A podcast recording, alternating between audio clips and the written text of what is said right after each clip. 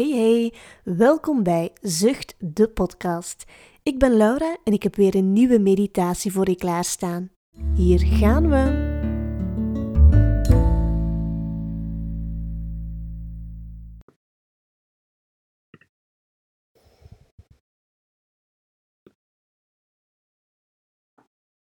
Ga zitten met een rechte rug. Zorg ervoor dat je voeten de grond kunnen raken. Leg je handen op je schoot en sluit zachtjes je ogen.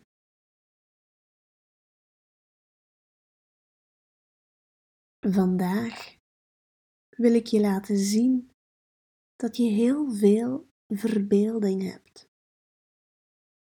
Fantasie is iets wat onmiddellijk bij ons op kan komen.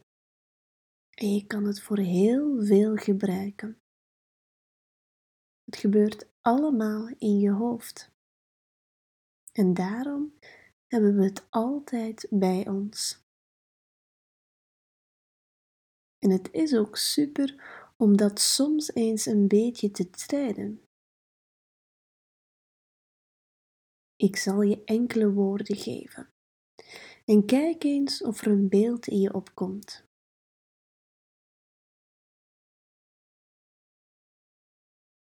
Hond, kat, kroket, spijkerbed, baard, slagroomtaart, frikandel, snottebel. Heb je het kunnen zien? Je kan je fantasie gebruiken om hele leuke dingen te bedenken. Hoe je je verjaardagsfeestje zou willen bijvoorbeeld. Of hoe je iemand zou kunnen helpen. Maar ook voor minder leuke dingen, zoals welke gemene dingen je tegen iemand zou willen zeggen. Gebruik je fantasie voor de leuke dingen. Daar is het voor bedoeld.